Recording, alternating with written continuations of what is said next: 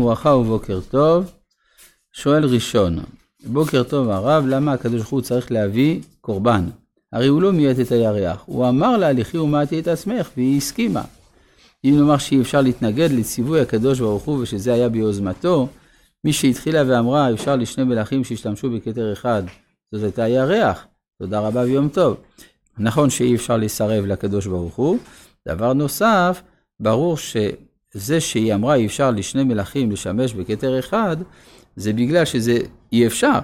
אבל הקדוש ברוך הוא יכול לכאורה לברוא עולם שבו זה כן היה אפשר, שיהיו שני מלכים משמשים בכתר אחד. אז כך שבסופו של דבר, האחריות חוזרת כביכול כלפי מעלה. שואל איתן, שלום לכבוד הרב, הרב אמר שבקורבן משתתפים כל חלקי הבריאה חי, צומח ודומם, אך לעתיד לבוא לאחר קבלת הסנהדרין את הפסיקה של הרב קוק זצ"ל בנוגע לאכילת בשר, החי לא יהיה חלק מהקורבן. איך החי מביא את עצמו לידי ביטוי בקורבן במצב כזה? מדוע הצומח והדומים ממשיכים להיות חלק מהקורבן, בעוד שהחי לא? הכוונה היא שברגע שתסתיים העלאת הניצוצות מן החי, כבר לא נצטרך להביא קורבן מן החי, כי יש כבר שלמות של קשר בין האדם לבין החי שלא מצריך ביטוי מעשי. ב, אה, ב, על מנת לבטא את הקשר בין האדם לבין החי. אנחנו ממשיכים מכן בפרק כ"ח, בפסוק כ"ו, וביום הביקורים, בהקריבכם מנחה חדשה להשם שבועותיכם, מקרא קודש יהיה לכם, כל מלאכת עבודה לא תעשו. אז אם כן, יום הביקורים, אמרנו, הוא יום מתן תורה, כי מתן תורה גם הוא בבחינת הקרבת ביקורים, וזה גם אומר שמי שיכול לקבל תורה, הוא זה שיודע להביא ביקורים, ולא מי שלוקח את ההתחלה למען, את הראשית לעצמו, כמו קין, שמביא את השארית לזולתו. מנחה חדשה, הכוונה שמביאים מינה תבואה חדשה, אה, מן החיטה, הרי כבר מהעומר התחלנו מהשעורים, אה, מהעומר התקרבנו מהשעורים, כאן מקריבים מן החיטים, שזה מציין את העלייה של האדם ממדרגת בהמה למדרגת אדם, מן החומריות אל השכליות, וממצרים לסיני. והקרבתם עולה. עכשיו, מה, מה קורבן מוסף של שבועות? כאן אנחנו רואים שיש סתירה בין קורבן מוסף של שבועות שבפרשת פנחס, לבין הקורבן המצוין בפרשת אמור. בואו נראה קודם כל מה כתוב בפנחס. והקרבתם עולה לריח ניחוח לשם, פרים, בני בקר שיניים, עיל אחד, שבעה כבשים בני שנה, ומנחתם סולת מלולה בשם, שלושה איסורים לפר האחד, שני איסורים לעיל האחד, ישרון צר לכבש אחד לשבעת הכבשים, שעיר עזים אחד, לכפר עליכם, מלבד עולת התלמיד ומנחתו תעשו, תמימיו לכם ונזכה. טוב, זה, אם אנחנו הולכים לפי הפשט כאן, זה הקורבן הקורבן הזה זהה לקורבן של ראש חודש וגם לכל אחד משבעת ימי חג המצות. אבל בפרשת אמור כתוב במקום פרים שני, שניים ועיל אחד, כתוב שמה פר אחד ושני אלים. זאת אומרת שיש קורבן נוסף, ושבעה כבשים וסיר חטאת.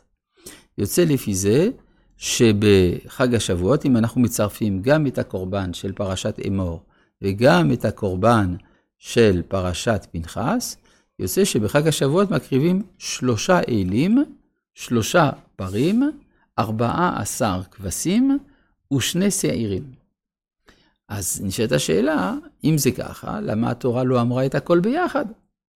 כן? שבאותה פרשה יהיו כתובים כל הפרים וכל האלים. אלא ש...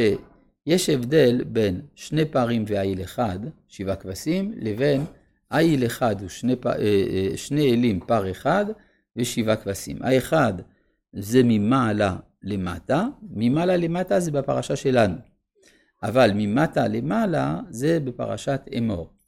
למה בחג השבועות יש שני קורבנות, אחד ממעלה למטה ואחד ממטה למעלה? כי זה היום היחיד בהיסטוריה כולה שבו הייתה נקודת השקה בין האינסוף לבין הסוף, בין העולם העליון לעולם התחתון, וזה מה שכתוב בגמרא, שגם רבי אליעזר שאומר שצריך בימים טובים או כולו לשם או כולו לכם, מסכים שבעצרת בעינן נמה לכם.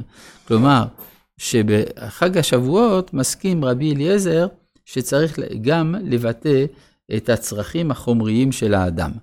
זאת אומרת שחג השבועות הוא בנוי בעצם ממטה למעלה וממעלה למטה, נקודת החיבור הייחודית הזאת באה לידי ביטוי בשתי מערכות של קורבנות באותו יום. ובחודש השביעי, עכשיו, מה קורה כאן בחודש השביעי? זה אה, חריג. כן, מה?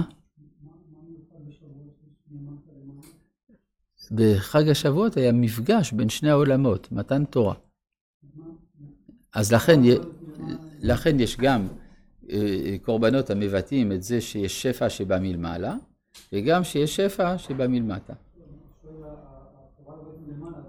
התורה היא לא מלמעלה, התורה היא מלמעלה ומלמטה. הרי כתוב שכשהקדוש ברוך הוא נתן למשה את הלוחות, הלוחות היו באורך שישה טפחים. שישה טפחים, שני טפחים בידיו של הקדוש ברוך הוא, ושני טפחים בידי משה, ושני טפחים חלק בינתיים. אומר המהר"ל, איפה שהחלק זה מקום הקשר. כי כל אחד תופס את הצד שלו. הרוחניות תופסת את הצד שלה, העליון, שני טפחים של מעלה. והעולם המקבל תופס שני, שני טפחים מלמטה. אז אין שום קשר, אבל החלק הוא המקום שבו שותפים. ואז יוצא שיש גם מעורבות של הנברא. חז"ל אומרים שבשעה שמשה קיבל את הלוחות, בדיוק באותה שעה בני ישראל רצו לעשות את העגל. ואז עם אה, חוש הומור, אומרים חז"ל, רצה הקדוש ברוך הוא לחטוף בחזרה את הלוחות, וגברו ידיו של משה. בגלל, ועל זה נאמר, ולכל היד החזקה אשר עשה משה. מה המשמעות של, מדוע ידי המקבל גוברים? אומר המהר"ל, משום שהתורה עניינה ממהותה להינתן, לכן המקבל חזק יותר. אז יש שותפות, כן? ויחן שם ישראל נגד ההר וכדומה. אמ, וזה גם היסוד של תורה שבעל פה, שהוא גם בא מכוח האדם. בקיצור, יש כאן נקודת השקה. לגבי החודש השביעי, מה שכתוב כאן בפסוק א' של פרק כ"ט, ובחודש השביעי, אז יש פה משהו חריג. עד עכשיו דיברנו על שלושה רגלים. שלושה רגלים, פסח, שבועות, סוכות. פתאום מוסיפים לך עוד משהו לא צפוי. ובחודש השביעי באחד החודש, ראש השנה. וגם יום הכיפורים, גם זה לא לפי הסדר. עכשיו, יום הכיפורים כבר מוזכר בפרשת תצווה, כן? אה, והקטיר עליו אהרון, אה, אה, אחת, לא, לא הקטיר עליו, וכיפר אהרון על קרנותיו אחת בשנה, מלבד חטאת הכיפורים, או מדם חטאת הכיפורים, סליחה. זאת אומרת שיום הכיפורים מוזכר כבר בפרשת תצווה, גם בפרשת החרימות, וגם בפרשת אמור. אבל כאן, לראשונה, טוב, אה, פה יש איזה משהו שהוא נוסף, ראש השנה מוזכר גם בפרשת אמור, אבל לא לפני כן, וגם בפרשת, אה, בפרשת פנחס. אנחנו מבינים, כן, שיש סדר אחר של המועדים, על גבי שלושה רגלים, יש לנו גם שלושה ימים שהם מקרא קודש, אבל אינם רגלים, והם ראש השנה, יום הכיפורים ושמיני עצרת, שהם סדר אחר לגמרי, הם הסדר של תיקון החטאים. ותיקון החטאים נעשה בשלושה שלבים, ראש השנה, יום הכיפורים, שמחת תורה. מה מיוחד בזה? אנחנו נראה שהקורבנות של הימים האלה הם מיוחדים לעומת כל שאר הקורבנות האחרים. ומה יש בהם? אה, בואו בוא נראה, ובחודש השביעי באחד החודש יקרא קודש יהיה לכם, כל מלאכת העבודה לא תעשו, יום תרועה יהיה לכם, בואו נדבר על זה. ועשיתם עולה לריח ניחוח לשם פר, בן בקר אחד, איל אחד, כבשים בני שנה שבעה תמימים. כלומר, פר אחד, איל אחד. בעוד שלפני כן ראינו או שני פרים ואיל, או שני אילים ופר, כן, יש לנו פר אחד, איל אחד. זאת אומרת שיש פה איזושהי התמעטות של השפע, כלומר מידת הדין. יש שלושה זמנים של מידת הדין, שבהם יש התמודדות מיוחדת, והם ראש השנה, יום הכיפורים ושמחת תורה, מדוע דווקא שלושת הימים האלה ומה זה אומר, זה נראה בעזרת השם פעם הבאה. רבי